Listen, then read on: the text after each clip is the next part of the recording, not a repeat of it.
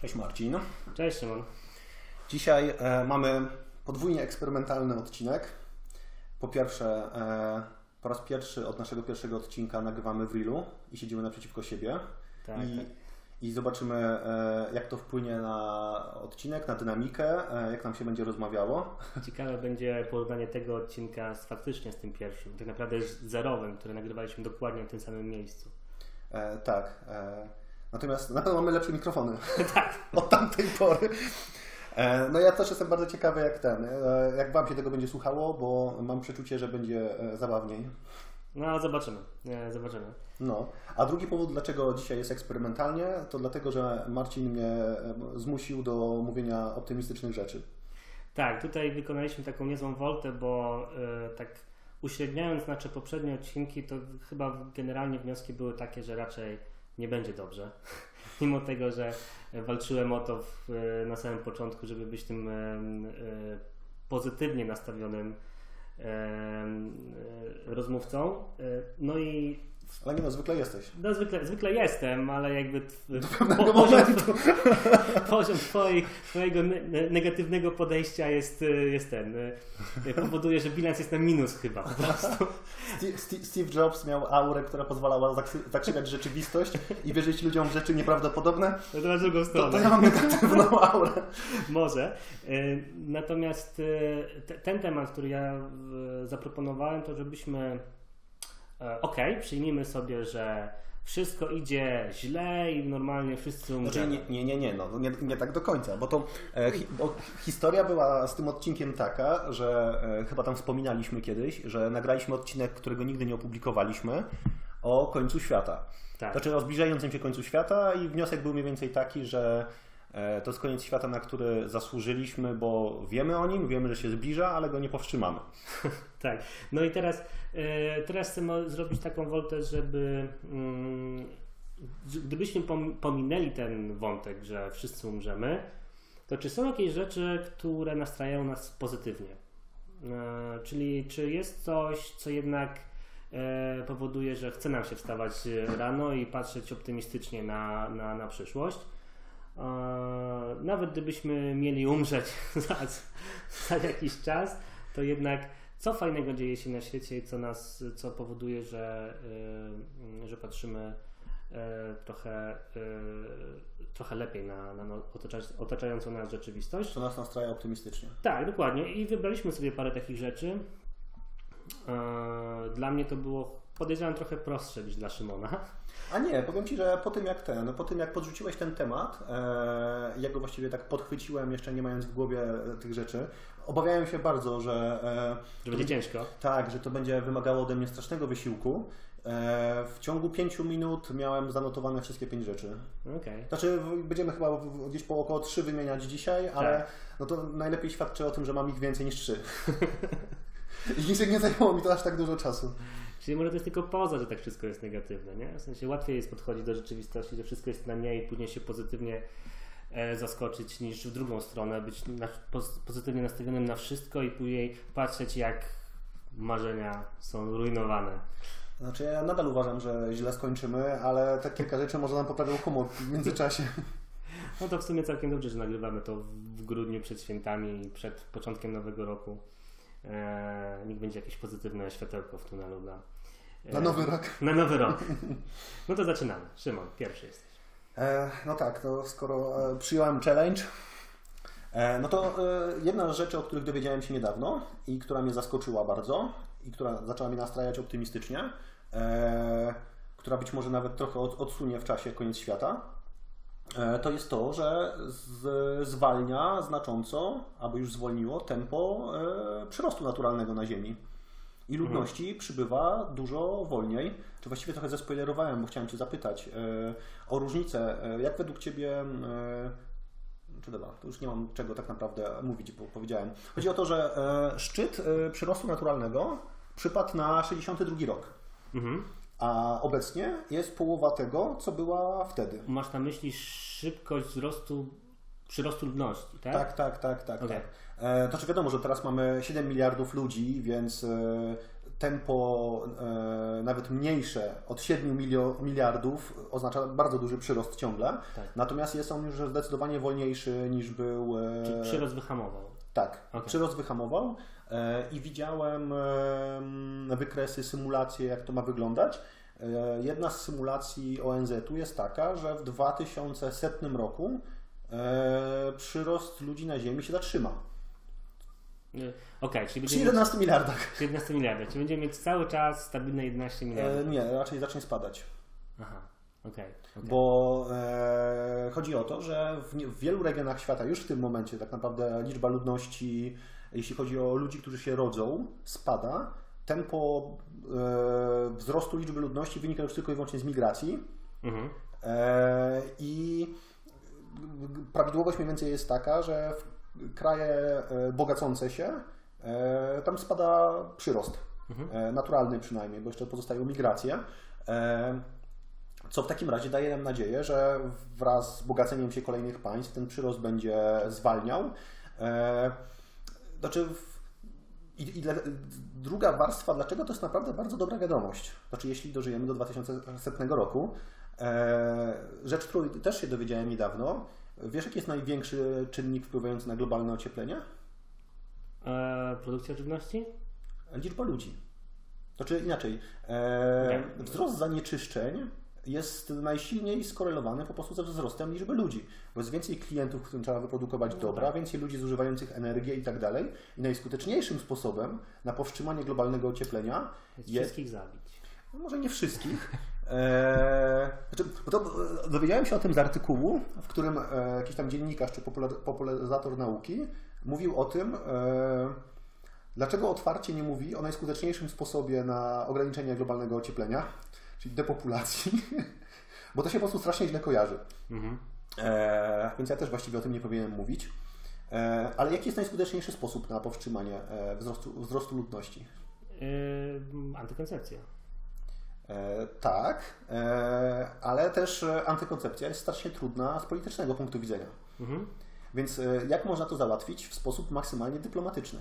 Taki, żeby nie, bu- nie budził kontrowersji. no, dodajesz, nie wiem. Edukacja kobiet.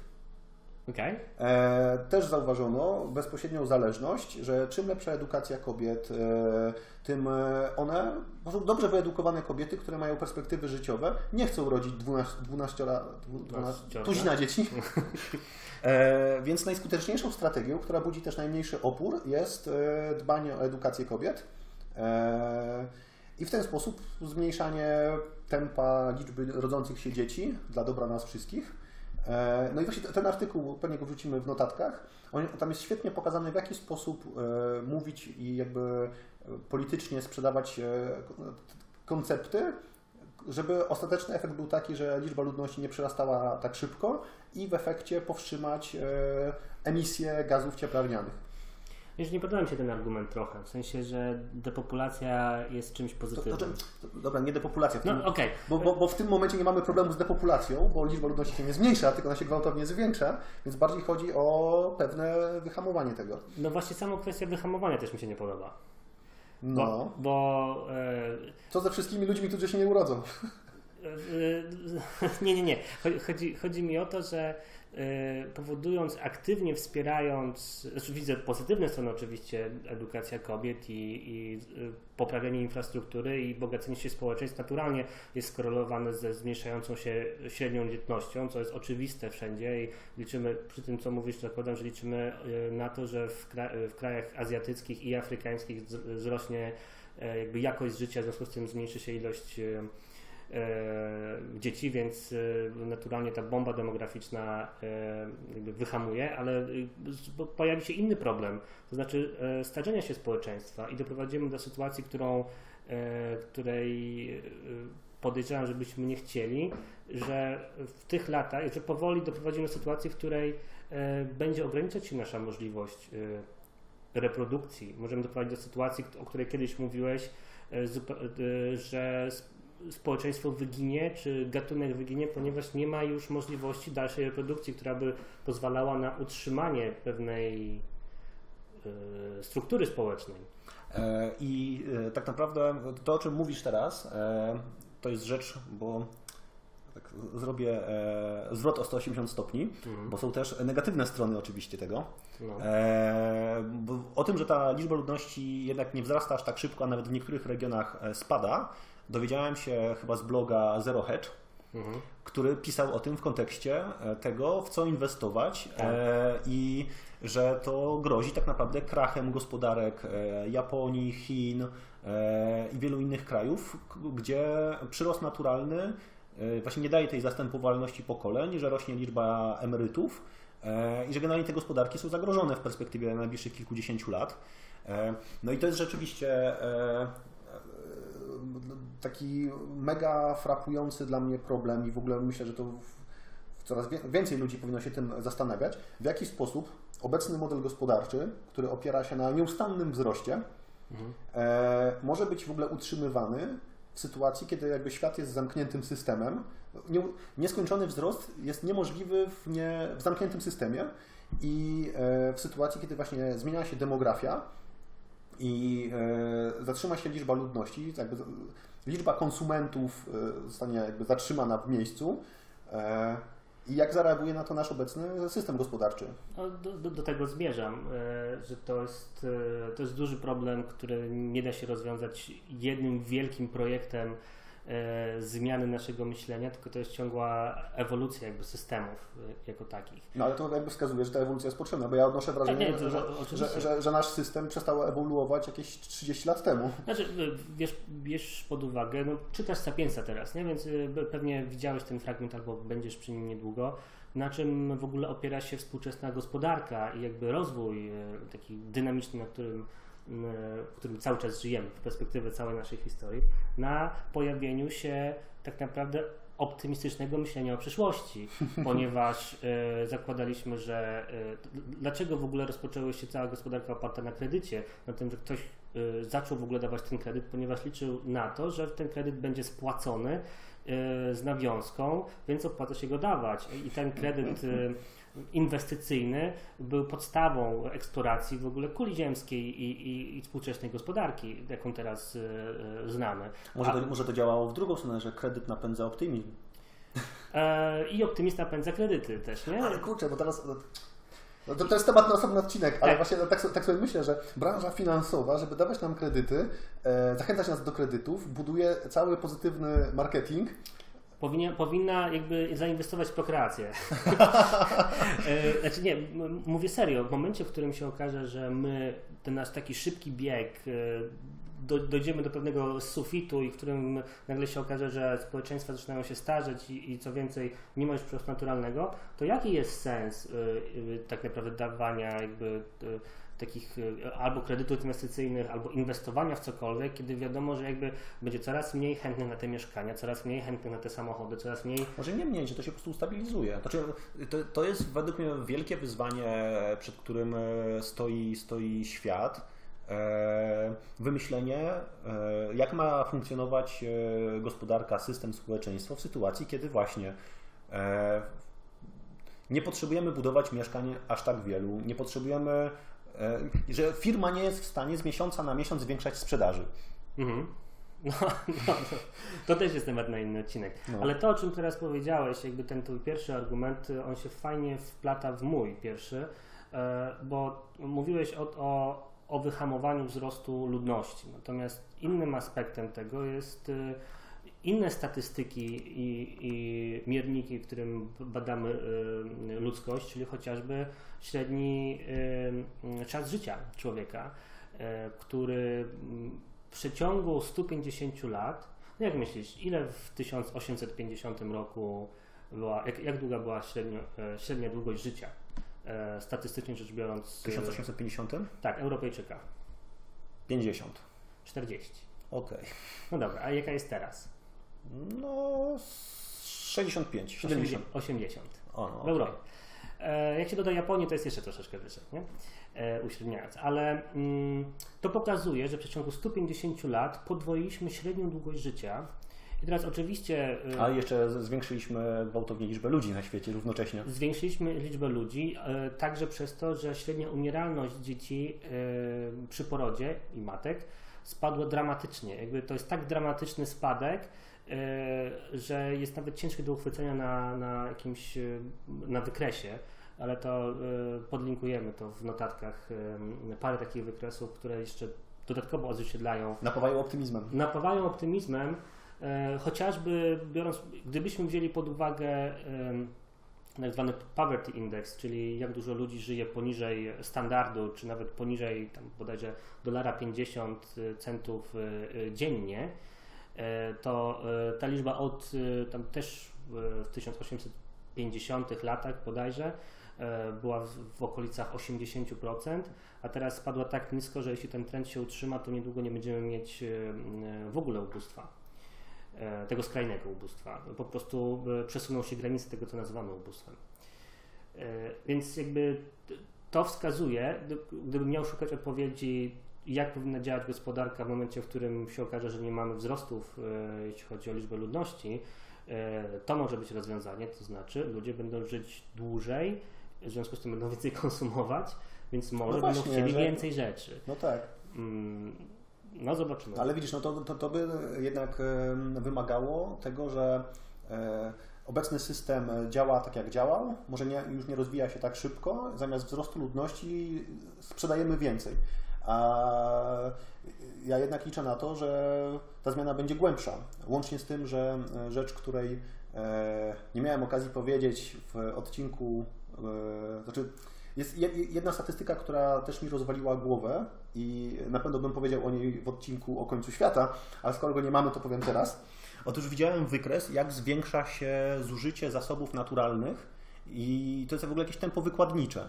I pamiętam, że ten wykres był zrobiony tam w postaci bodajże takich kwadratów i że e, drugi kwadrat jest dwa razy większy od pierwszego, trzeci jest dwa razy od tego i to, był, to, to pokazywało, w jakim tempie zużywamy zasoby. Mhm. E, i to było dla mnie nieprawdopodobne. To znaczy, jakby wydawało mi się, że jesteśmy już w miarę ekologicznym e, społeczeństwem, które jest e, zrównoważone i tak dalej, a to pokazuje, że my wydzieramy zasoby w tempie niespotykanym kiedykolwiek i to, i to, i to ciągle przyspiesza. E, I tego też się nie da utrzymać e, w nieskończoność. Mhm. Więc e, ja myślę, że ta zmiana modelu musi być głębsza niż tylko to teraz zaczniemy sprzedawać więcej rzeczy starszym ludziom. No tak, tylko że to jest, to jest jeden z takich elementów, który może być fragmentem tej, tej całej nowej układanki, pewnej ewolucji. Co zresztą już widać powoli jakby w krajach Europy Zachodniej, jak zmieniają się proporcje między jakby chociażby w tym, jak projektowane są budynki i podjazdy do budynków i jak duże znaczenie przykłada się do tego, żeby, żeby instytucje publiczne były tak samo dostępne dla osób starszych. To nie wynika tylko z takiej dobrotliwości, ale także z faktu, że takich po prostu użytkowników będzie coraz więcej. Tak, tak. Idziemy dalej. E, tak, bo ty już opowiedziałeś o tak, opty, optymistycznych wykresach. Tak. Dobra. Druga rzecz, która napawa mnie optymizmem, e, natomiast dzieje się zdecydowanie wolniej niż bym sobie życzył, to jest e, nie nazwę tego rozszerzaniem praw człowieka na zwierzęta, tylko jakby e, poszerzaniem e, praw zwierząt. Mhm. Tego, że e, dajemy zwierzętom coraz więcej praw, nadal jeszcze za mało, traktujemy je w coraz bardziej to humanitarny sposób, nazwijmy to w ten sposób, nazwijmy to tak. E, I mam przypuszczenie, że za 50 e, albo 100 lat e, w ogóle jedzenie, zabijanie zwierząt w celach, nie wiem, spożywczych, czy żeby produkować jakieś produkty z nich, no będzie spotykać się ze skrajnym ostracyzmem. E, i że się po prostu tego nie będzie robiło, mhm. E, bo liczba racjonalnych argumentów przemawiających za powiedzmy wegetarianizmem, e, czy to będą argumenty ekonomiczne, typu chociażby też ochrona środowiska, no ale będą też argumenty humanitarne. Etyczne. Słucham? Etyczne. Etyczne, tak. No, wystarczy też popatrzeć na trend, no nie? w jaki sposób traktowano zwierzęta powiedzmy 100 lat temu, w jaki sposób traktuje się teraz, ile pojawiło się nowych przepisów o ochronie zwierząt, o jakimś tam komforcie ich życia, e, o wyrokach, które zaczynają zapadać e, za znęcanie się nad zwierzętami. Znaczy uważam, że i tak jesteśmy skrajnymi, skrajnymi hipokrytami, bo jedne zwierzęta e, są traktowane coraz lepiej i ludzie trafiają do więzienia za ich traktowanie, a z drugiej strony mamy cały czas rozkręcający się biznes e, przemysłowej hodowli zwierząt, która jest dla mnie no, czymś no, strasznym. Znaczy, jeśli ktoś dowie się, w jaki sposób produkuje się e, wieprzowinę i że nie wiem, każdego dnia, w każdym momencie zabija się setki tysięcy zwierząt e, i one są hodowane tylko i wyłącznie w klatkach, przeżywają kilka miesięcy e, w zamknięciu tylko po to, żeby zostać zamordowane dla nas, podczas kiedy my mamy alternatywy żywieniowe, no to nadal e, mój optymizm jest bardzo taki. Tak, ale, ale trend, To jest iskierka optymizmu. ale trend, trend jest według mnie też zauważalny. Pamiętam jak e, bodajże w, w książce Stevena Pinkera Better Angels of Our Nature by- była scena, e, był opis tego, e, co działo się w cyrkach e, 100 lat temu. I jedną z głównych atrakcji było, e, było topienie e, psa w, w kotle z, z gorącą wodą. O, E, I to była jedna z takich, wiesz, atrakcji, w sensie znęcanie się nad zwierzętami w, w cyrku było czymś oczywistym i dla nikogo nie stanowiło problemu. I teraz z naszej perspektywy to już jest trochę szokujące i to nawet nie jest perspektywa nas tutaj siedzących w centrum Warszawy, pijących kawę w kawiarniach, ale także chociażby na polskiej wsi. no tak, E, znaczy to wszędzie, wszędzie w Polsce dostałby za to wyrok. tak. I e, o ile ja jeszcze pamiętam, e, jakby kilka lat, czy kilkanaście lat temu, jak, jak czy nawet jak miałem kilka lat i, i- widziałem, jak, jak traktowano psy na wsi. E, I było naturalne, że chodziły watachy takich e, półdzikich e, psów między, między domami, którym po prostu ludzie traktowali z buta. To teraz jest to jakby raczej rzecz, która zdarza się bardzo incydentalnie, o ile mogę tak powiedzieć. I ten trend będzie według mnie szedł coraz dalej, także dlatego, że zwierzęta przestaną, przestają być traktowane jakby powoli jako tylko zasób. E, W sensie, czyli to, co dostajemy e, dzięki nim w postaci jajek i, i, mięsa. Zresztą to e, ostatnio mieliśmy z, przeglądałem książkę mojego, mojego synka na temat wsi i był tam fragment, co dają nam zwierzątka. I była krowa, która daje mleko, kurka, która daje jajka i świnka, która daje mięso. Aha. I tak. I jak, jak ta świnka daje to mięso? jak ta świnka daje to mięso, nie? Jakby co się z tą świnką dzieje później? A Ile to- razy może dać to mięsko? Tak, ale swoją drogą właśnie e, też czytając e, e, bajki dla mojego syna, e, widzę to, jaka tak naprawdę istnieje. Wątpię, żeby to było przemyślane, ale według mnie ja to nazywam e, nie wiem, propagandą, albo tak jak byłoby u Harariego w Sapiensie, tworzenie fikcji, opowieści o tym, e, jak cudownie żyjemy ze zwierzętami. Przeglądam wszystkie te bajeczki, tam są farmy, radosne świnki i tak dalej, i tak dalej. A ja tak, Uśmiechnięty farmer, nie? Rolnik. tak, i te zwierzątka wszystkie takie szczęśliwe, dzieci tam karmią te zwierzątka. No i e, my na dobrą sprawę przez większość naszego, może nie większość, ale kawał naszego życia jesteśmy e, przekonywani, że tak właśnie wygląda e, opieka nad zwierzętami, hodowla zwierząt, podczas kiedy rzeczywistość jest kompletnie inna. I e, wydaje mi się, że też przemysłowi mięsnemu bardzo zależy na tym, żebyśmy nie wiedzieli, jak to w praktyce wygląda. Skąd te, stąd te wszystkie reklamy na zasadzie wesoła kurka i tak dalej. E, jakiś tam, prawda, hodowca, który dogląda swoich zwierząt w jakimś tam stodole tuż za domem. E, a rzeczywistość jest, jest, jest zupełnie inna. Ale jeszcze tylko dokończę, e, że właśnie z tymi zwierzętami wydaje mi się, że ten trend jest taki jakby, że postępuje równouprawnienie kolejnych grup przez wieki, no nie? Najpierw e, znieśliśmy niewolnictwo, potem kobiety dostały prawa wyborcze, potem e, mniejszości seksualne e, w kolejnych krajach też są traktowane jako równoprawni obywatele i kolejnym krokiem będzie zwiększenie naszej uważności, naszej empatii w stosunku do zwierząt. Mhm. Jedną, jedną z takich ulubionych jakby trendów, czy też takich sub e, e, trendów związanych z transhumanizmem e, było, był taki, który był oparty na zdefiniowaniu tego, jaki w ogóle my mamy cel jako, jako ludzie i transhumanizm jako filozofia. No i tam była mowa o tym, że głównym celem transhumanizmu jest pozbawienie świata cierpienia. Bardzo mi się podoba.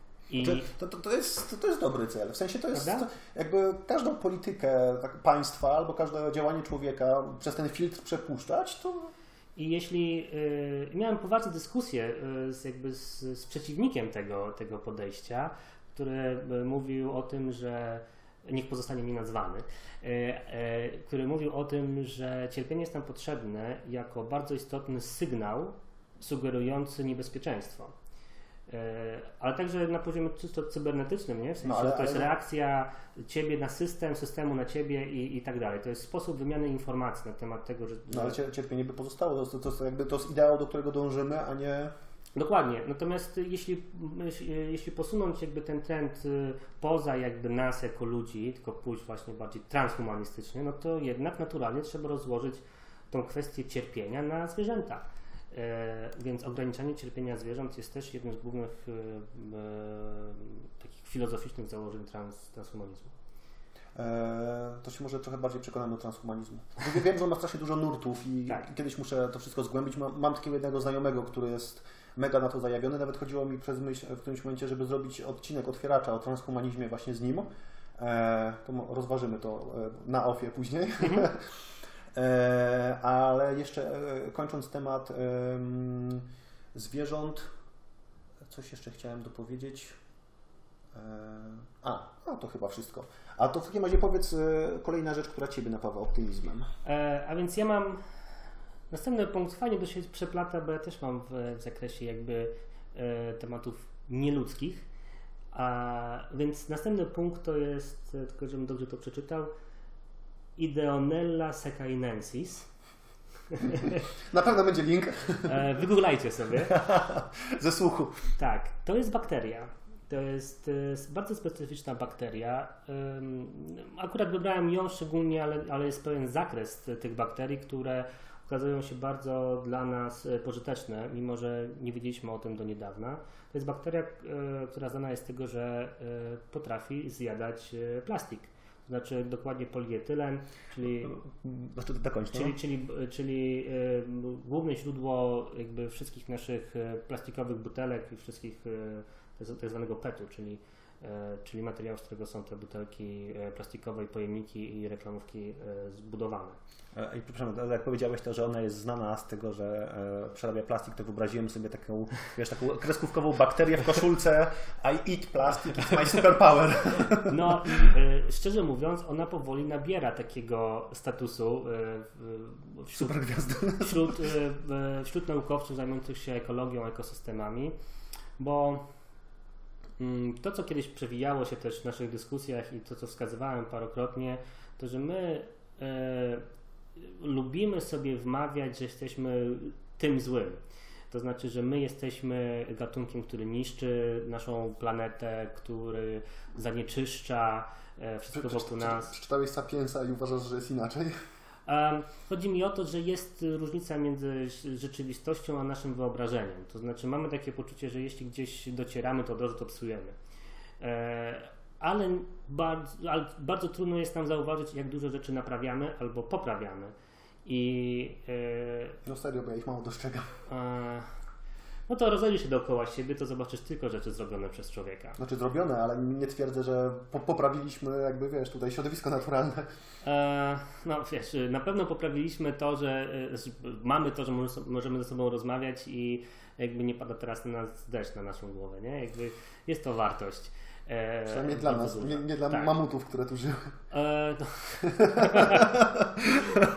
e, wracając, chodzi mi o to, że jesteśmy gatunkiem, który em, wydaje nam się, że nie potrafimy naprawiać swoich własnych błędów, a nasze odnalezienie tej bakterii i zrozumienie jej działania i uświadomienie sobie, że e, przy pewnej skali ta jedna bakteria jest w stanie rozwiązać jeden z naszych głównych problemów. A, a czy, czy ona została odkryta, czy stworzona? ona została odkryta. E, Ona już istniała, tylko my nie wiedzieliśmy. To w ramach badań przesiewowych któregoś z oceanów e, zauważono jakby tą, e, to, że ta bakteria jest w stanie rozkładać polietylen. Natomiast to nie jest tak, że to nam się zdarza przypadkiem.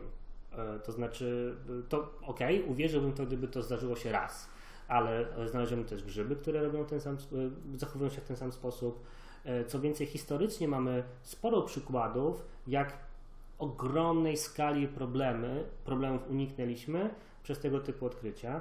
No i jest taki, jest taka, taki ranking ludzi, którzy uratowali najwięcej istnień.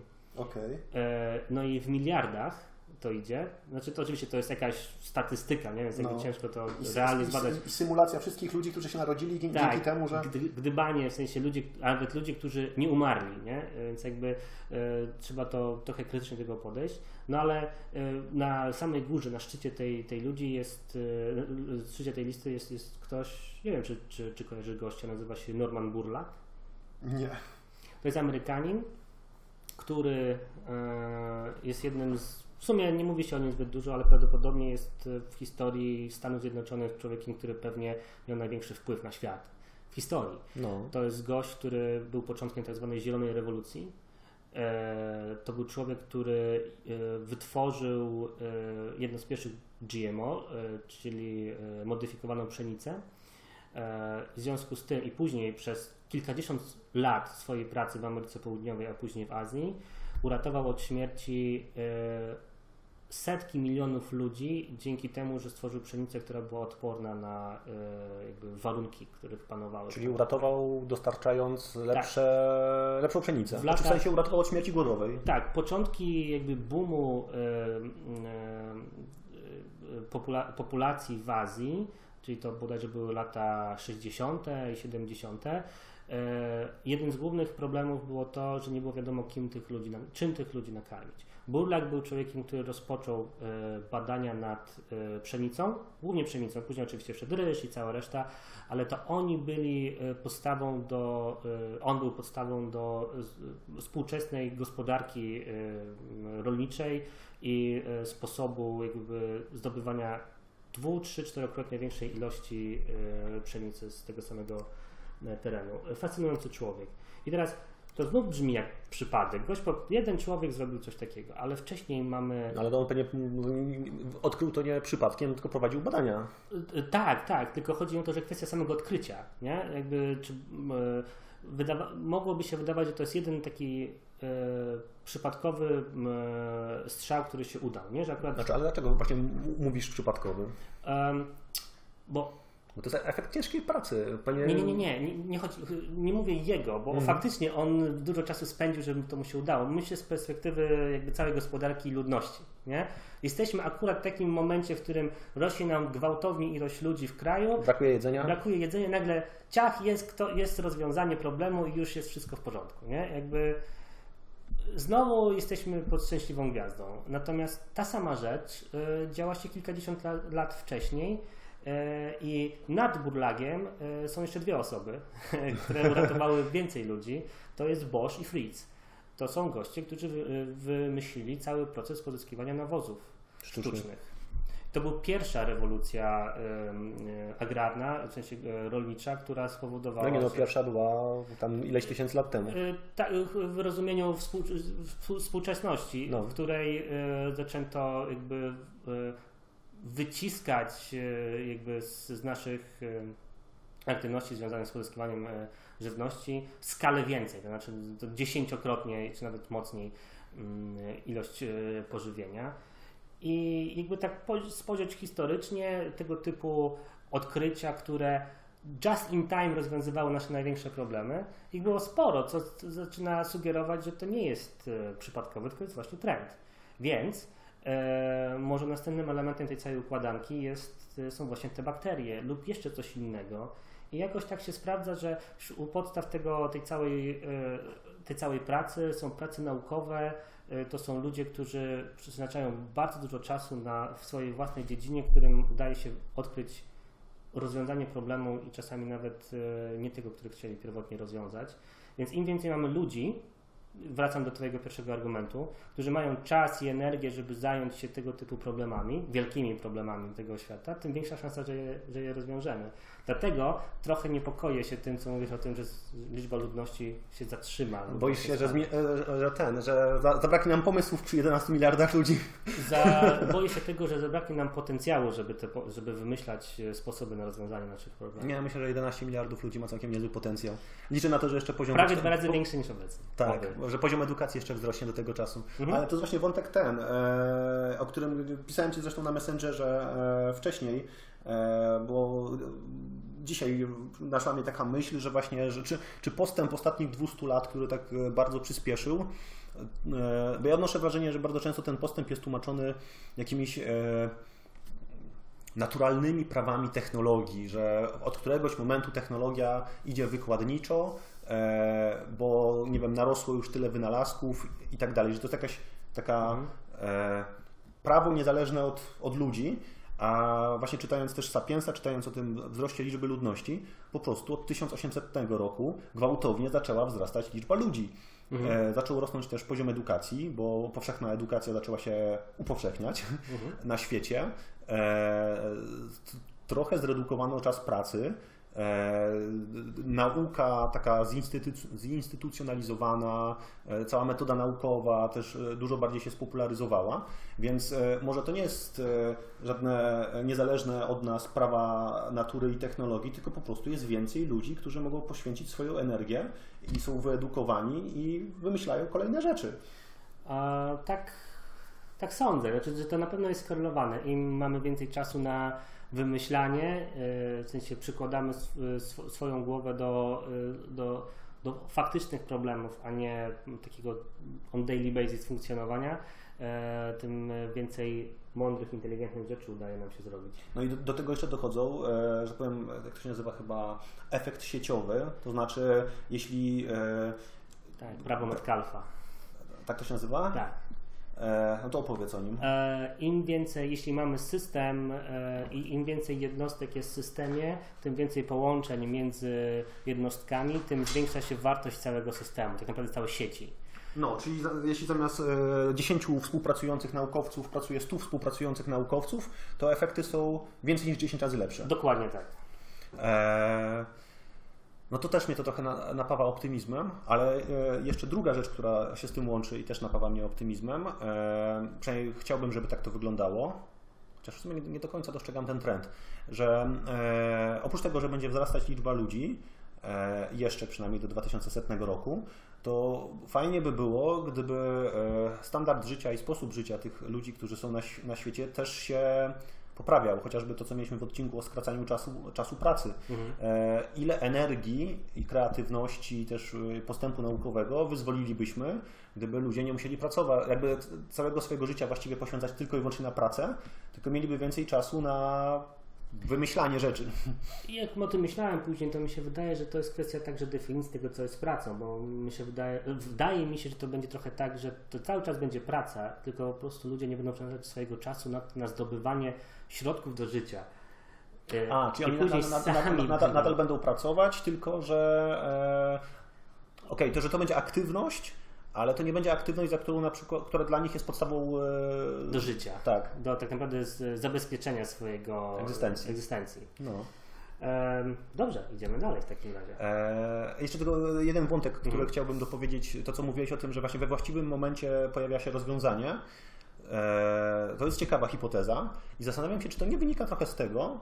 E, też jest ten mechanizm taki psychologiczny, że e, w sytuacji, kiedy zaczyna, ktoś ci zwraca uwagę na coś tam, jakby dowiadujesz się nowej rzeczy, e, na przykład dowiadujesz się nowym błędzie poznawczym, mhm. e, zaczynasz go dostrzegać wszędzie. Tak, jeśli kupisz czerwony samochód, nie wiem, czerwone Volvo, zaczynasz wszędzie widzieć czerwone Volvo. Tak. E, I czy to nie jest tak, że w momencie, kiedy e, społeczeństwo zaczyna mierzyć się z jakimś problemem, po prostu zaczyna o nim rozmawiać, e, to zaczyna być w obiegu w dyskusjach w opinii publicznej i czy na przykład wtedy naukowcy nie zaczynają dostrzegać, że okej, okay, mamy problem z globalnym ociepleniem i nagle zaczynają w, swoich, w swoich pracach naukowych dostrzegać potencjalne rozwiązania tego problemu, a wcześniej by to po prostu zignorowali, bo nie, mhm. nie, uzna, nie dostrzegliby zastosowania dla powiedzmy tego czegoś, co, co właśnie odkryli. Tak działają memy, prawda?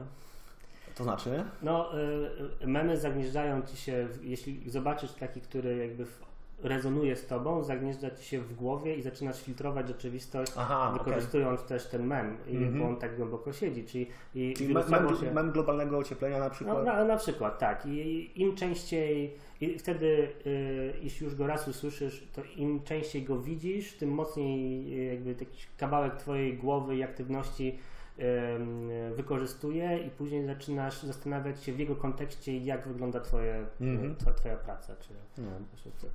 Dobrze, następne. E, to się bardzo fajnie łączy z bakterią, która e, poprawia świat, bo nikt się tego nie spodziewał po bakterii. Tak samo, tak, tak samo nikt się pewnie nie spodziewał tego, że branża reklamowa może poprawić internet. No, y, ja trochę w to nie wierzę, żeby branża reklamowa mogła poprawić internet, ale Już, Słucham. Już tłumaczę. E, otóż, e, chyba t- trochę mieliśmy w odcinku o prywatności, e, bo ty byłeś wtedy po lekturze Attention Merchants Tak. e, i mówiliśmy właśnie o tym, że branża reklamowa w, tak naprawdę w bardzo z, z dużym stopniu wpływa w ogóle, w, e, jak internet funkcjonuje teraz. E, Przede wszystkim jak funkcjonują e, wszystkie serwisy z treściami, serwisy informacyjne, media społecznościowe i tak dalej. E, Bo tak naprawdę wszystko to jest podporządkowane reklamie, branży reklamowej i zarabianiu na reklamach, bo prawie wszystkie serwisy z treściami w w internecie bazują na pieniądzach z reklam. Facebook jest firmą reklamową, Google jest firmą reklamową. Tak. No, wszystkie portale i tak dalej. Gar- jest naprawdę garstka mediów na świecie, która żyje nie z reklam, tylko z opłat od powiedzmy prenumeratorów. Mhm. E, I e, teraz w natłoku tych wszystkich e, fake newsów, e, mówienia o tym, że social media doprowadziły do polaryzacji opinii, e, przeczytałem w jednym serwisie branżowym, że reklamodawcy w Stanach zaczynają wycofywać się z serwisów informacyjnych. Ze, Okej. z, nawet zwykłych serwisów e, informacyjnych, bo polaryzacja opinii i to, że e, wydawcy e, nauczeni tym, jak działają media społecznościowe i że w mediach społecznościowych rozprzestrzeniają się te rzeczy, które wzbudzają silne emocje. Więc to spowodowało, że redakcje zaczęły tak konstruować treści, że wywołują silne emocje. Mhm. Natomiast reklamodawcy nienawidzą e, Kontrowersji. kontrowersji Mhm. i e, za- zaczęli, zaczęli wycofywać się z serwisów amerykańskich, które były kojarzone z, ze, ze skrajnościami, typu skrajnie prawicowymi, skrajnie lewicowymi. E, e, mało tego, większość tych serwisów i tak tych reklamodawców e, nie pozyskałaby bezpośrednio, bo żaden z, nie wiem, producent samochodów e, takich z- ze średniej półki, a tym bardziej luksusowych, nie będzie się reklamować na skrajnie prawicowym czy skrajnie lewicowym e, portalu. Te serwisy tak naprawdę żyły z tej reklamy tak zwanej programmatic, czyli kupowanej automatycznie. E, Nikt nie, wer, nie weryfikuje każdego portalu z osobna, tylko mówi, że mniej więcej chce dotrzeć do ludzi o profilu, nie wiem, 30-40 z dochodami takimi, takimi, plus kilka innych rzeczy i te reklamy automatycznie pojawiały się na niektórych tych portalach. I e, w ostatnich latach, właśnie w branży reklamowej, e, coraz więcej e, reklamodawców orientuje się, że ich reklamy wyświetlały się w miejscach, w których zdecydowanie nie chcieliby, żeby się wyświetlały. Mhm. E, I oni zaczęli pilnować tego i od tych jakby swoich pośredników, którzy odpowiadają za te reklamy, wymagać, żeby one się tam nie pojawiały. I kolejnym krokiem było to, że reklamy zaczę, zaczęły być wycofywane z tych, nazwijmy to, normalnych, e, centrowych mediów, bo po prostu nawet w tych centrowych mediach sposób przedstawiania e, problemów politycznych, społecznych też uległ radykalizacji. Dodatkowo politycy e, i powiedzmy jakby uczestnicy debaty publicznej, wiedzący, że tak naprawdę zasięg ich informacji zależy od tego, czy to będzie skrajne, zaczęli się po prostu wypowiadać w ten sposób, zaczęli jakby zachowywać się w ten sposób. Więc reklamodawcy doszli do wniosku, że oni w takim klimacie to jednak nie chcą swoich reklam wyświetlać. I tak jak, e, no, że teraz tylko, nie wiem, e, strzelam, nie, nie twierdzę, że tak się stanie, ale zaczynam dostrzegać taki trend, że tak jak e, reklama doprowadziła do polaryzacji, do pojawienia się skrajnych emocji, podkręcania tych emocji, tak może być tym e, czyn- czynnikiem stabilizującym, który ochłodzi powiedzmy gorące głowy wszystkim, Bo kiedy wydawcy zobaczą, że reklamodawcy nie chcą się pojawiać koło e, tych wszystkich e, rzeczy skrajnych i, i wulgarnych i ostrych, które wypowiadają politycy, Albo nieprawdziwych wprost. albo nieprawdziwych wprost, to może spowodować zmianę w politycy przestaną, media przestaną to pokazywać, politycy przestaną się zachowywać w ten sposób i tak dalej, i tak dalej. I co jest jeszcze ciekawe z tym, nie wiem czy e, słyszałeś, jakby obserwowałeś tę całą akcję, w ostatnich tygodniach krążyły artykuły, też w Stanach to się pojawiało w najważniejszych mediach, o patologiach na YouTubie, e, na filmach skierowanych do dzieci, takich bardzo małych dzieci. E, Widziałem e, jakby zajawkę tego, tego artykułu, ale nie zrozumiałem wprost o co, o co w nim chodziło, w sensie jaki było klub. No tak, no jakby warto go przeczytać całego, podlinkujemy go, bo co mi się bardzo podobało w tym artykule, on głęboko sięga do mechanizmów, e, algorytmów e, YouTube'a, które są, mm, prowokują, e, czy prowokują, są po prostu wykorzystywane przez ludzi, którzy chcą zarobić, do tworzenia pewnych określonych treści, które mimo tego, że są, wyglądają jakby tworzone z, nie wiem, z jakiegoś automatycznego generatora i z, z jakimiś słowami kluczowymi, które przyciągają wyszukiwania, to działa. I tam się wyświetlają reklamy, oni dostają kasę. I e, po tym, jak ta sprawa właśnie tam e, została nagłośniona, cała masa bardzo dużych reklamodawców ogłosiła, że oni wycofują wszystkie swoje budżety reklamowe z YouTube'a, dopóki YouTube czegoś z tym nie zrobi. I to, I to są marki typu Adidas e, i na, naprawdę jedni z największych reklamodawców na świecie. E, No i YouTube e, w bardzo krótkim czasie nagle wywalili 500 tysięcy czy ileś milionów tych filmów. Nagle się okazało, że da się coś zrobić. E, No i podejrzewam, że to będzie postępować. Czy, ale chodzi o to, że te treści były tworzone automatycznie, ale z takim założeniem, że mus, i i masowo, ale muszą generować jakąś formę zachęty dla, y, y, nie wiem, dla widzów, którzy są niepełnoletni, czy to... Znaczy, to, to, to, to były głównie, znaczy jakby są dwa poziomy. Jeden poziom e, jest taki, w którym e, były tworzone filmy z bardzo kiepskiej jakości, naruszające własność intelektualną, biorące elementy z innych, e, z tytułami i opisami generowanymi głównie w oparciu o to, co się klika i co jest popularne, typu nazwy bajek, e, określenia typu, nie wiem, kołysanka, plus najpopularniejsze jakieś tam kołysanki ostatnio.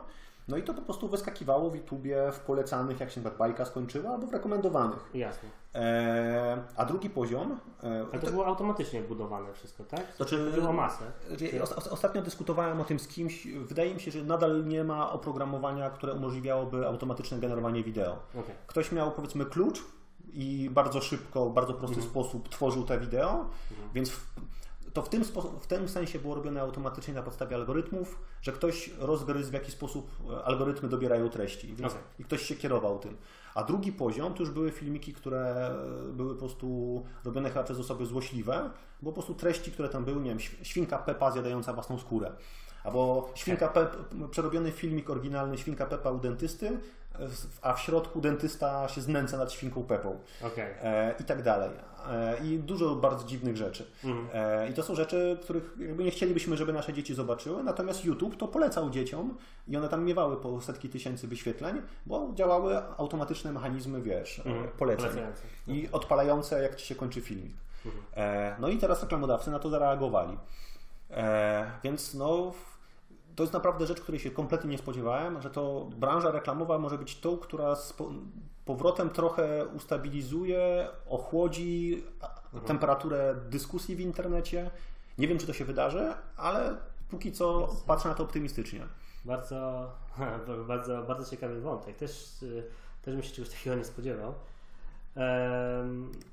Zobaczymy jak będzie. Trzymam kciuki, bo to by się na pewno przydało. No, nie, nie, mam nic, nie, nie mam przeciwko, nic przeciwko akurat temu wpływowi branży reklamowej na media. Reklama na socjali. E, Ja natomiast mam trzeci, trzeci argument, e, trze- trzecią pozytywną rzecz, którą, którą widzę. Znaczy, on stwierdziłeś na, na początku, że żyjemy, że nie da się w zamkniętym systemie e, rosnąć w nieskończoność. Mm, Zgadzam się z tym, ale wydaje mi się, że jakby ta diagnoza nie jest prawdziwa, bo my wcale nie żyjemy w zamkniętym systemie. A, okej. I- Wiem, do, już podejrzewam, do czego pijesz. Wydaje nam się, albo mamy takie poczucie, siedzi nam w głowach, że to, że żyjemy na, na Ziemi, e, powoduje, że jesteśmy na niej zamknięci i już się z niej nigdy nie wydostaniemy. Natomiast w ostatnich latach jedna z takich rzeczy, którą ja śledzę naj, najmocniej i bardzo mocno trzymam kciuki za to, co się dzieje w tej sferze, to jest kwestia eksploracji kosmosu i przestrzeni poza kulą, kulą ziemską. No i to są oczywiście nazwiska, które siedzą w głowie, znaczy jedno nazwisko, które siedzi w głowie większości e, ludziom, którzy słyszeli cokolwiek o, o kosmosie. To jest oczywiście Elon Musk i jego, jego firma SpaceX, która z jednej strony ma dwie bardzo pozytywne rzeczy robi. Po pierwsze, faktycznie tworzy technologię, która jest niesamowita i popycha cały cały rozwój w, tym, e, w tej sferze do, do przodu. Co ciekawe, robi, e, robi kółka wokół NASA, jeśli o to chodzi, jeśli chodzi o rozwój technologiczny, także dzięki temu, że jest firmą prywatną i nie ma tak dużo ograniczeń jak NASA, która jest wykorzystywana przez, przez polityków do tego, żeby tworzyć, żeby wygrywać politycznie ze, ze, ze, swoją konkurencją, bo e, jednym z założeń NASA jest to, że jej części muszą być produkowane na terenie Stanów Zjednoczonych, na, na terenie konkretnych stanów, więc każdy polityk... Ale z SpaceXem jest tak samo. E, ale, ale, tutaj jest tak, że to kongres o tym decyduje, w którym miejscu jest, są części dla nas. W związku z tym e, każdy polityk ciągnie swoją stronę, więc koszty sourcingu i wyprodukowania e, rakiety takie jak Saturn V są tak olbrzymie, że y, przestaje się to realnie opłacać. To, czy to się znaczy to, to się nie może opłacać, bo nie ma zysku z działalności, którą prowadzą. O, opłacanie mam teraz na myśli raczej nie, nie kwestię marszowości, tylko raczej, że y, wycena y, stworzenia na Marsie chociażby kolonii w wykonaniu NASY przekracza jakiekolwiek budżety, na które stać w ogóle Stany Zjednoczone. Częściej to przekracza... Ale to, ale to myślisz, że SpaceX zrobi to taniej? No więc SpaceX zrobi to taniej. Udowodnił już parokrotnie, że jest w stanie zrobić to taniej i jedną z technologii, których NASA nie chciała się podjąć, się jakby mogła się podjąć, ale za pomocą swoich dostawców w postaci Boeinga chociażby, czy innych wielkich wojskowych kontraktorów, było e, stworzenie reużywanej rakiety. I w momencie, w którym mamy taki e, tak zwany, no już wchodzę trochę w ekonomię i w zarządzanie, przepraszam, ale e, tak zwany value network, e, czyli mamy dostawcę, z którym mamy wyrobioną już relację, tak jak NASA z Boeingiem, to Boeing po prostu zamiast tworzyć nową technologię, spróbuje użyć tej, którą ma w tym momencie E, i dodać do niej moduł reużywalności czy możliwości zamiany fragmentu na inny fragment e, i po prostu nie będzie wymyślać, nie czuje potrzeby, żeby wymyślać coś od zera. Natomiast wchodzi nowy podmiot, taki jak SpaceX, który buduje od zera tą swoją rakietę e, i jest w stanie od razu budować niego reużywalność, dzięki temu ograniczyć koszt wyniesienia kilograma na przestrzeń kosmiczną 20-30-krotnie prawdopodobnie w tym momencie i należy spodziewać się, że im częściej te rakiety będą wykorzystywane, ten koszt będzie jeszcze bardziej spadał. Ale dlaczego, ale dlaczego Cię to o, napawa optymizmem? W jaki, w jaki sposób? Już mówię. No? To jest jakby pierwsza część, czyli technologia i e, to jest trochę tak, że jak pojawił się SpaceX i o nim się głównie teraz mówi w mediach i to jest taka nazwa, którą każdy, każdy kojarzy albo większość ludzi kojarzy, stała się memem, to nie jest tak, że jest sobie tylko Elon Musk i, i on miał taki plan, sobie to wymyślił i ciągnie cały ten temat jako swoje hobby. No bo zaraz pojawiają się następne firmy, które chcą nim konkurować i mają poczucie, że są w stanie zrobić to jeszcze lepiej.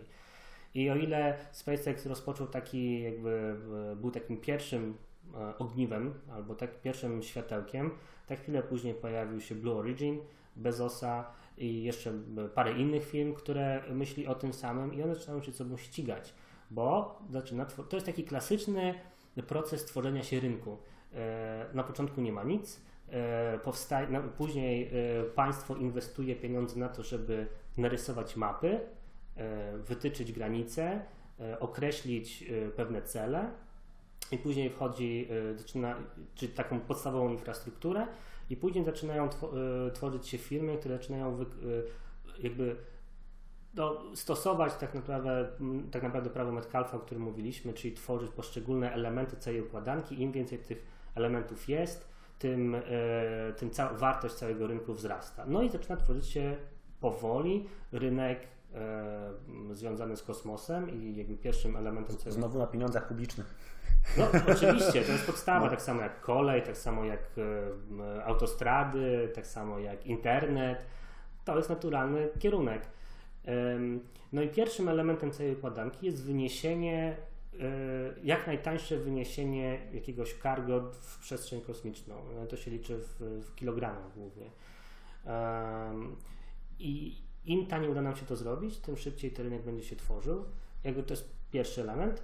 A drugi, dlaczego SpaceX i dlaczego e, jest to, jest to tak ważne, bo tak jak mówiłem, to staje się pewnego rodzaju memem, staje się e, fragmentem naszej rzeczywistości, e, że faktycznie te rakiety z powrotem zaczęły latać. Tak samo jak w czasach e, takiej walki między Stanami Zjednoczonymi a Związkiem Radzieckim o to, kto pierwszy postawi nogę na Księżycu, albo kto pierwszy okrąży kulę ziemską, kto pierwszy wyniesie zwierzę żyjące na, w przestrzeń i, tak dalej, i tak dalej. Tak znów wracamy do myślenia o kosmosie jako o czymś, co jest dla nas um, ciekawe, intrygujące, interesujące, może w przyszłości dawać zatrudnienie i e, budować nowe fortuny. E, I ludzie lubią widzieć nowe miejsca. Ja miałem to poczucie, jakby patrzeć gdzieś w miejsce, którego jeszcze nie potrafią osiągnąć i, i zobaczyć, ale mieć już pewną wizję i zacząć do tego dążyć. Tak jak to działo się e, przy okazji science fiction, według mnie najlepszych lat science fiction, czyli lat 80. i, i no, głównie 80. i 90., e, kiedy e, jedną z głównych wizji e, było posiadanie kolonii na innych, na innych planetach. Wracamy do naszego odcinka o utopiach, że warto mieć e, wizję przed sobą e, tak, taką, taką, która motywuje tak, do działania. bo to jest, to jest motywacja i o ile do tej pory, jak miałem takie poczucie, że my też trochę się zagłębiamy w takie wszystkie negatywy i o tym, jak to źle się dzieje, tak ok, może się źle dziać, ale jeśli mamy jasny cel przed sobą, no to mamy jakąś niesamowitą umiejętność dążenia do tego celu yy, i to nam daje yy, motywację. E, to ja trochę sceptycyzmu. Akurat tak się składa, że jestem trochę blisko branży kosmicznej ostatnio przez mojego klienta. Mhm. E, I w, z tego, co się dowiaduję właśnie od mojego klienta, e, branża kosmiczna tak naprawdę jest bardzo sceptyczna a propos tego, co robi Elon Musk. Zawsze była.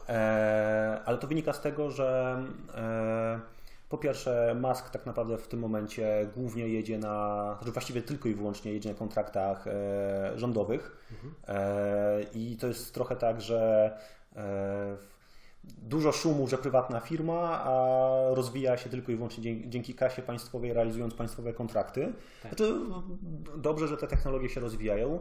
Też nie jest tak, że e, nie wiem, tylko Musk robi postęp, bo nawet jeden z projektów, o którym gdzieś tam e, zajmowaliśmy się w pierwszej połowie roku, e, nowe nowe statki latające na e, stację kosmiczną międzynarodową. Mhm. I jest trzy czy cztery firmy w postępowaniu przetargowym, cztery różne e, projekty, skrajnie różne. E, I nie ma tam SpaceXa, chociaż czekaj, nie, chyba nie ma SpaceXa. Więc jakby są różne firmy, konkurują ze sobą, postęp technologiczny istnieje. Natomiast tak jak właśnie ta moja klientka ostatnio w wywiadzie dla Rzeczpospolitej e, mówiła, zresztą chyba nawet możemy podlinkować, bo to jest, to jest taki tekst e, przekrojowy na temat tego, jak funkcjonuje branża kosmiczna, a skoro już powiedzieliśmy o masku, mhm. e, o czym ona mówi, że w branży e, jest przekonanie, że największą wartość w krótkim okresie dałaby nam e, większe nakłady na badanie Ziemi że okay. więcej satelitów, lepsze zobrazowanie, więcej badań generalnie naszej planety e, pozwoliłoby nam szybciej i lepiej zrozumieć, jak to wszystko funkcjonuje, podczas kiedy e, uwagę opinii publicznej, budżety i tak dalej w znacznym stopniu pochłania nie wiem, wizję typu lećmy na Marsa. Właściwie nie, nie do końca wiadomo, co ten lot na Marsa ma nam dać, E, podczas kiedy e, są bardzo realne rzeczy, które możemy zrobić na orbicie Ziemi. i czego się dowiedzieć o planecie i poprawić nasze bytowanie tutaj, zamiast wydawać te pieniądze na bliżej nieokreślone fantazje. No, wiesz, tutaj znów wracamy do takiego wątku, który też był wspomniany o takiej przypadkowości i braku przypadkowości rzeczy. Teflon, czyli materiał, który został y, przez NASA y, stworzony właśnie przy okazji lotów i ścigania się ze Związkiem Radzieckim, który wtedy też był krytykowany za to, że po co my w ogóle to robimy, zamiast inwestować w gospodarkę i w obronność przed inwazją Związku Radzieckiego. Teflon powstał właśnie dzięki y, pracom badawczym y, nad y, lotem człowieka na Księżyc. Tak, tak, tylko mi się wydaje, że jedno nie wyklucza drugiego. Znaczy w sensie przerzucenie e, środków na e, badanie Ziemi z badań Marsa nadal by wymagało wymyślania nowych rzeczy, e, rozwoju technologicznego, a zwrot z tego, nawet nie, nie, nie tylko finansowy, tylko jeśli chodzi o jakość życia, mógłby być lepszy niż, to, tak jak mówię, no, podróż na Marsa, która. A jeszcze tylko jedną rzecz e, dodam do tego wszystkiego, która też napawa mnie trochę sceptycyzmem. Dzisiaj akurat czytałem o tym, co się stało ze zdrowiem. Ze Scottem Kellym. Mhm. Tak, ze Scottem Kellym, który był prawie rok w kosmosie e, w stanie nieważkości. Dostawał, e, tam chyba była mowa o tym, że odpowiednik 10 prześwietleń dziennie promieniowania. No i chyba jesteśmy jeszcze bardzo daleko od wysłania ludzi w trwającą 9 miesięcy podróż na Marsa. E, tak, zdecydowanie tak, ale my nie zrobimy tego kroku, jeśli nie będziemy mieć po drodze, no niestety, ofiar. E, I to, co jest, dlaczego to jest tak ważne, bo podejrzewam, że moglibyśmy się cofnąć kilka wieków i e, będąc w tym momencie w Portugalii, czy, czy w Hiszpanii, czy w Wielkiej Brytanii, i powiedzieć sobie wprost, po co w ogóle mamy e, jechać do, e, do na nowy kontynent i szukać tam czegoś, o, skoro myślę, możemy że... poprawić gospodarkę na, u nas tutaj na miejscu. Wielu ludzi zamieszkujących tam te terytoria od wieków, myślę, że by się bardzo ucieszyła, gdyby Kolumb tam nigdy nie przypłynął. to prawda. Kolumb akurat to był najmniejszy problem, tam później byli gorsi od niego jeszcze. Ale yy, wydaje mi się, że to jest istotne, ponieważ to przekłada trochę szale myślenia o nas, e, skupianiu się na nas tu i teraz, a, i, a buduje nam pewną motywację do bycia gdzie indziej, szukania czegoś nowego, stawiania sobie dalej, dalej poprzeczki. A ja wydaje mi się, że my potrzebujemy właśnie tego typu memów, takich, um, takich historii, które nas trochę romantycznych, trochę o tym, że jesteśmy w stanie żyć na innej planecie, w innym miejscu, w zupełnie innym środowisku, a nie być zamkniętym tutaj. No i jeszcze jest wartość w tym, że no, zawsze trzeba mieć jakiś backup. jeśli, jeśli mamy zepsuć jedną planetę, to w takim razie lepiej mieć także drugą w zapasie, prawda? No właśnie, ja, ja to widzę na odwrót, że e, eksploracja Marsa chociażby odwraca naszą uwagę od e, tu i teraz, e, a mamy naprawdę całkiem sporo rzeczy do zrobienia. Zresztą początek tego odcinka tematy o, o ludności, zanieczyszczeniu środowiska, zwierzętach i tak dalej. Wolałbym, żebyśmy e, wielkiej wizji lotu na, na Marsa pomyśleli na zasadzie e, Właśnie nawet ten program e, lepszego badania Ziemi wydaje mi się, że mógłby być takim taką wizją, taką, taką jakąś wspólną rzeczą dla całego świata na zasadzie ej, dobra, to teraz na poważnie zajmujemy się tą planetą, na której siedzimy, skupmy się na wymyślaniu właśnie bakterii, które będą recyklingować plastik e, i naprawdę zadbajmy o to, żeby tym 11 miliardom ludzi w 2100 roku było jak najlepiej. E, a na Marsa to może jeszcze polecimy. No, ja zastanawiam się, na ile to jest kwestia, wiesz, ścigania się trochę z czasem, bo może się okazać, że trafi nam się jakby scenariusz taki jak Interstellar, nie wiem czy tutaj spoiler robimy, czy już nie, bo film ma już trochę czasu, no. że y, tak bardzo skupimy się na życiu tu i teraz dla nas w tym momencie, że wręcz zaczniemy zakrzywać rzeczywistość i mówić, że w ogóle kwestia programu y, kosmicznego to była utopia i ona nigdy nie miała prawa się udać, wręcz się nie udawała, bo, bo nie powinniśmy wydawać w ogóle energii i naszych kończących się zasobów na to, żeby gdziekolwiek polecieć. W momencie, w którym tak naprawdę gdybyśmy tą, tę decyzję o, o, o, szukaniu miejsca dla siebie w nowym miejscu na nowej planecie, budowania sobie już tego, tej pierwszej infrastruktury mogłaby nas uratować. No ale to jest zupełnie inna kwestia. Kończąc już odcinek, bo już rozmawiamy ponad, ponad godzinę, tytułem zakończenia. Nie wiem, czy Szymon masz e, jakby jakąś myśl kończącą, jeśli chodzi o pozytywy, które nas czekają, jeśli nie umrzemy wcześniej.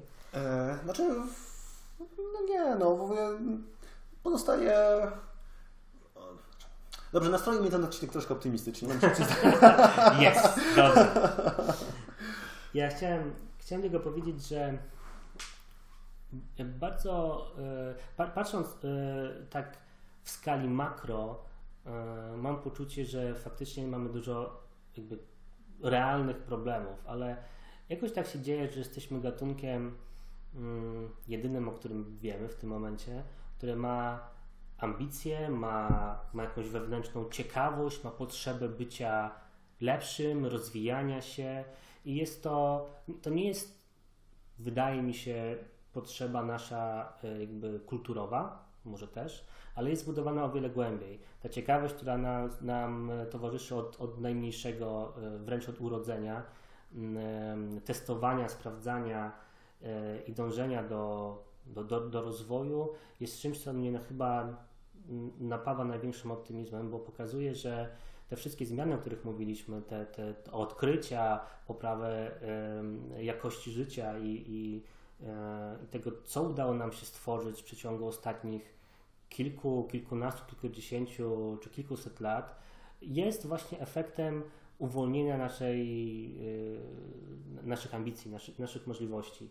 I nie zostaje nic innego, jak tylko wierzyć w to i widzieć to, że jakby ten trend będzie, będzie rósł i, i wykładniczo i będziemy odkrywać i widzieć coraz więcej ciekawych rzeczy, które nas będą i wymyślać rzeczy, które będą nas ratować przed wszystkimi problemami, które faktycznie teraz widzimy, bo naturalnie o wiele łatwiej jest nam widzieć problemy niż rozwiązania, bo problemy są oczywiste, a rozwiązania są nieoczywiste. Ja się już nie będę sprzeczać. Bo oczywiście już mógłbym się, już z kilkoma rzeczami się nie zgadzam, ale to, to nie będziemy już przedłużać. E, Zostanie, zostawimy trochę materiału na kolejne odcinki. E, Dajcie nam znać, e, co sądzicie o wersji z nagrywaniem w Reelu. Jak Ci się, Marcin, rozmawiało? Bo wydaje mi się, że mieliśmy mniej y, a więcej śmiechów. To się, to się okaże, zobaczymy, zobaczymy co o tym nas, nasi słuchacze, ale jeśli Wam się to podobało, to obiecujemy, że będziemy powtarzać. Tak, e, mi się na pewno nagrywało lepiej w Reelu. No, dobra, no to e, do następnego. Do następnego, dzięki.